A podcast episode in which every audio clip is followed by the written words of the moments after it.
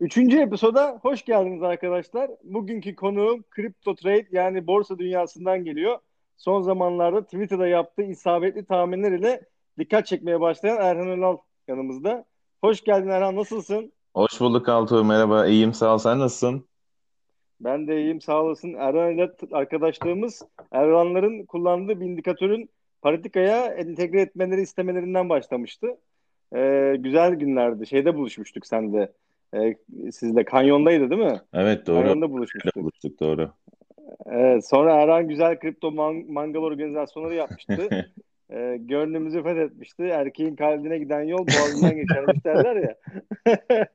Öyle bir arkadaşlığımız var Erhan'la. Erhan da güzel bir trader. Gerçekten sevdiğimiz bir arkadaşımız. Bu konularda bayağı bilgili. Özellikle BitMEX'te e, çok güzel işler çıkartıyordu. Bize de güzel tipler veriyordu. Şimdi Twitter'da da başladı Erhan. Nasıl gidiyor Twitter macerası?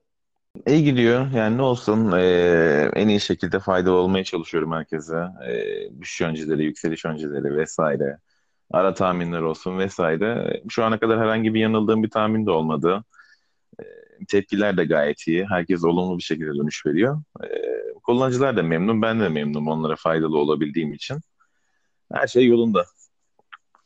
Güzel güzel yani e, tabii Twitter'da bazen e, hani biraz şey olabiliyor üstümüze yük Hı binebiliyor. hı. Yani çoğu çoğu zaman e, takipçiler e, fazlasıyla e, balık yemeye alışıyor. Derler ya tabiri caizse sen balığı pişirip veriyorsun. İşte bundan da e, biraz anlayışlı olmaları gerekiyor. Bazen herkes hata yapabiliyor. Evet O evet. yüzden değil mi yani biraz anlayış Ya lazım. Onun dışında kesinlikle ben biz burada sonuçta yani yatırım tavsiyesi vermiyoruz. Biz yani kendim ben ne yapıyorsam aynı o işlemlerin tamamını paylaşıyorum. Hani kimse bunu almak zorunda değil. Ee, bana göre almak veya satmak zorunda değil. Herkesin sonuçta yatırım kararı kendine aittir. Biz burada sadece yani kendimize ait bir fikir, e, ne düşünüyorsak onu paylaşıyoruz. İnsanların da aklının bir köşesinde bulunuyor. Değerlendirmek isteyen o şekilde değerlendiriyor. güzel aynen yani öyle devam etmesi lazım. hı. Çok da yüklenmemek lazım sana. E, başarılar diliyorum. E, Teşekkürler. takipçilerine de Erhan'ın e, takibe devam etsinler. Şeyi soracağım sana ilk. Bizde artık e, gelenekselleşti. Kripto Podcast'ta ilk sorumuz. Bitcoin senin için nedir Erhan? Bitcoin benim için e, aslında sadece bir para kazanma aracı. Yani ben o şekilde görüyorum.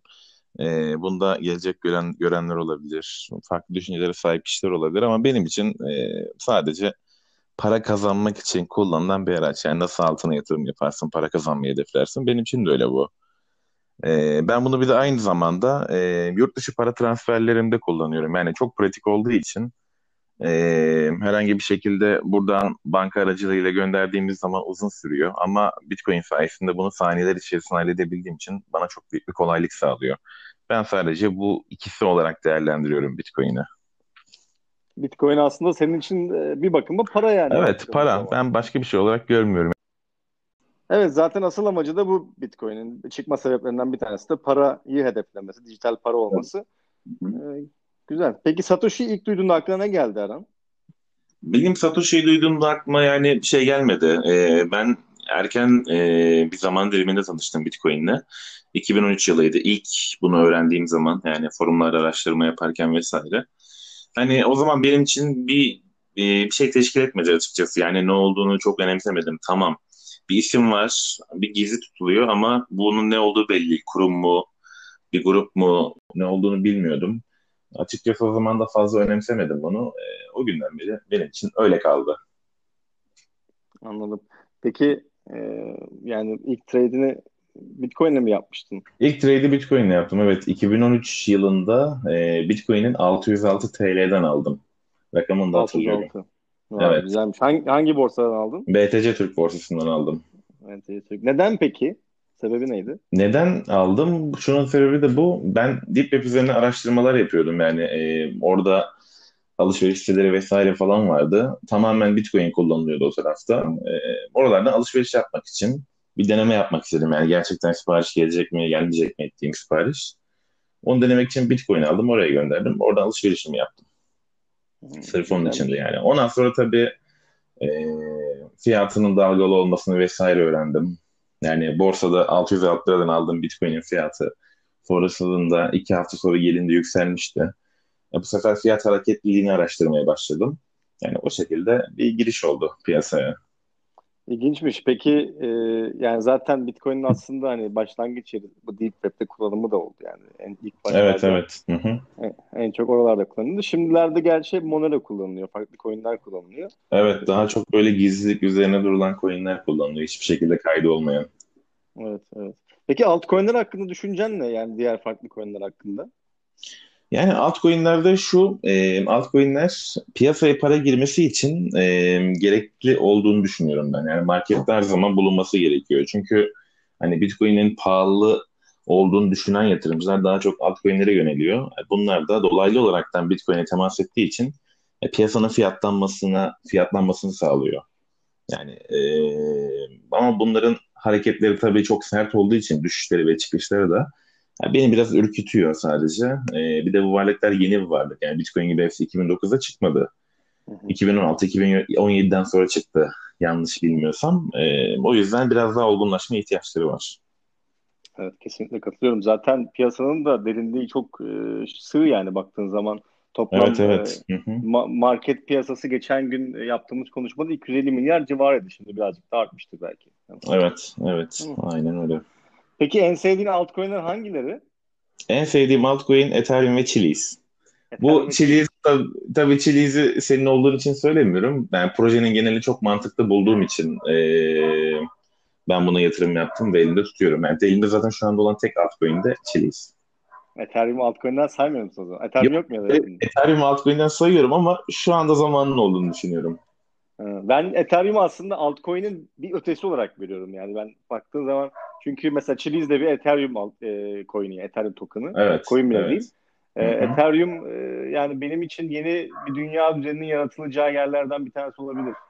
Ya ben tamamen bu e, teknolojik tarafını bilmiyorum da e, ben parasal olarak ilgilendiğim için piyasayla yani parasal olarak baktığımda bana şu anda Chiliz daha mantıklı geliyor. Yani Ethereum tabii e, major altcoin olduğu için yani diğerlerine nazaran daha güvenli bir liman. Bir de yeni bir de bu olabilir. Yeni bir upgrade de geliyor biliyorsun. Ethereum 2.0 geliyor yakında. Evet evet biliyorum. E, bu Ethereum 2.0'la da dinleyicilere söyleyelim. E, 32 Ether bulunduranlar e, staking yapabilecek. Yani aslında Hı-hı. proof of proof of e, work'ü proof of stake'i çevirip e, yani 32 Ether tutanlar artık validator'lar olacaklar. Bu da önemli bir gelişme yani. Evet, evet katılıyorum. Evet, o yüzden dikkatli olmakta fayda var. Ethereum'da son zamanlarda güzel çıkışlar da yapıyor. Takip almakta fayda var. Aynen öyle. Ee, peki şimdiye kadar trade yaparken en çok yaptığın hata ne oldu? Ya bu son dönemlerimde ben e, herhangi bir hata yapmıyorum. Yani aslında hatalarını arındım diyebilirim. E, ama eskiden yaptığım hatalarda şu vardı. Ben biliyorsun daha çok BitMEX borsasında trade ettiğim için ben e, çok kısa aralıklarla trade etmeye çalışıyordum. Yani nedir? Mesela fiyat şu anda 9000'e gitti. 9000'in anında short açıyordum. Yani daha fiyatın oraya gidip e, orada bir vakit geçirmesini beklemeden direkt short pozisyonu alıyordum. Fiyat yukarılara gidiyordu. Stop oluyordum. Rekt oluyordum gibi gibi hani e, problemlerle karşılaşıyordum. Yaptığım en büyük hatalardan biri budur benim. Yani, tabii artık bunu yapmıyorum şu sıralar. E, yani bundan sonra da yapmam sabır zaten. Sabır mı diyorsun? Yani bunun adı sabır ya, mı? Ya sabır olarak değildi aslında bu. yani biraz görmek yani gerçekten marketin döndüğünü yani e, aşağıya doğru dönmesinin e, sağlandığını görmek bir onay için gerekli. Onay almak istiyorsun yani bir şey. Evet. evet. Ya aynen. Onun dışında daha önceden biraz daha tabii açgözlülük vardı. Yani daha fazla para kazanma isteği vesaire. Tabii ne kadar çok para kazanmak istersen o kadar çok riskin artıyor. Ee, bu da bir eskendi. Bir de en büyük hatalardan biri BitMEX'in ekranını izlemek. En büyük FOMO'lardan biri de odur. Hmm, çok hızlı hareket Bu, ettiği için. Bunu sen de bilirsin. Orada e, ekranda sürekli parlaklıklar, emirler geçtiği zaman yanda e, yanıp sönüyor vesaire ya. Orada hmm. tamamen psikolojik bir savaş olduğu için bitmek ekranına bakmamak gerekiyor trade sırasında. Biraz kumarhane havası da var değil mi o renklerin? Evet, evet. Yani, Aynen. İnsanı heyecanlandırıyor. Ben de ilk Polonia X'te e, gördüğüm zaman bu altcoin'leri e, böyle yeşiller yeşiller böyle yanıp sönüyordu, kırmızılar yanıp sönüyordu. Böyle yeşiller yükseldikçe atlayasım geliyordu altcoin'lere böyle. Çok... yani, Aynen öyle. Yani e, izlemek biraz yani benim açımdan kötü bir şey. O yüzden çok izlemiyorum artık. Alarmlarımı kuruyorum. Fiyat ya oraya gitmiştir ya buraya gitmiştir. Ara ara da bakıyorum o kadar. Peki riskini minimize etmek için neler yapıyorsun? Ya riski minimize et- etmek için e, şimdi kendime düşüş ve yükseliş öncesi hedefler belirliyorum. Yani bunları Twitter hesabımda da paylaşıyorum. Yani birinci kademe, ikinci kademe, üçüncü kademe nedir? Yani aslında burada biraz destek dirençleri e, baz alarak yapıyorum. Bu seviyelerin her birine geldiği zaman e, elimde atıyorum bir BTC varsa kaç tane hedefim var? Beş tane var? Beşe bölüyorum. Beşinde de her tarafını realize ediyorum. Yani fiyatın aslında 5000'den 20 bine gideceğinden emin olup alım yapsam bile her aralıkta realize ediyorum ki herhangi bir terse kalmam durumunda tekrar aşağıdan realize etme yani tekrardan toplama şansım olsun. Hı hı. Bu şekilde ilerliyorum. Peki e, yeni giren traderlara önerilerin var mı ya da piyasada hani pek tecrübeli olmayan insanlar için diyelim?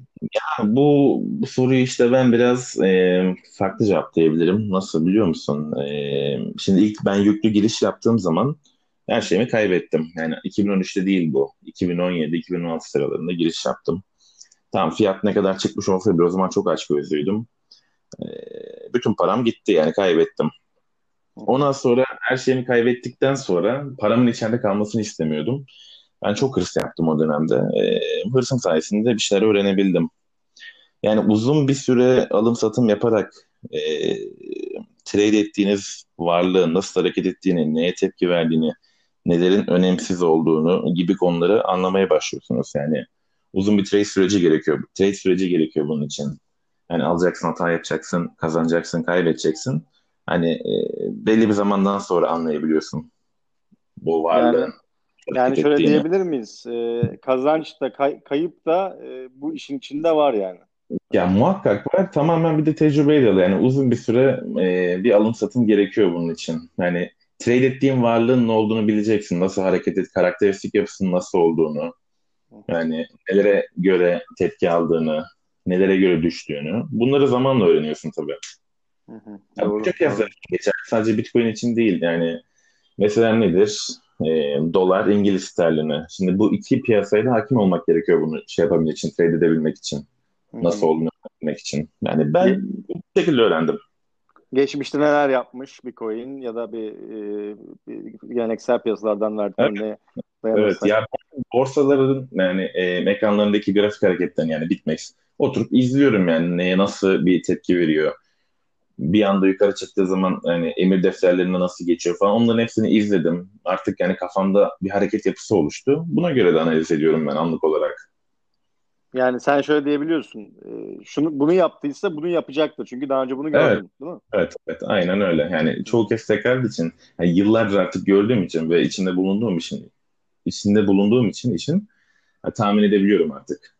Hı hı, hı. Anladım. Bu da tecrübe tabii ki. Bu aslında bir de şey bir örneği de verilebilir mesela. Bizim piyasada daha çok tamamen tersine gider. Mesela nedir? Şu anda herkes e, 4000'ler, 3000'ler, 2000'ler, 1800'ler bekliyordu son dönemde. Twitter'da görüyorum anketler yapılıyor. Oradan takip ediyorum. Psikoloji endekslerine falan bakıyorum. Herkes bir dip bekliyor. Yani daha da aşağıları bekliyordu. Ama şimdi şöyle de bir durum var. Herkes eğer aşağıdan alırsa e, fiyatı kim yukarı götürecek? Öyle bir durum var. Herkes kazanırsa kim kaybedecek? Bunları da değerlendiriyorum. Market psikolojisini de değerlendiriyorum. E, hepsi işte birikince bir sonuç çıkıyor ortaya. Tabii zaten teknik analizden tek başına e, zor biraz. Yani yanına eklemen gereken şeyler oluyor. Kesinlikle aynen öyle. Aynen öyle.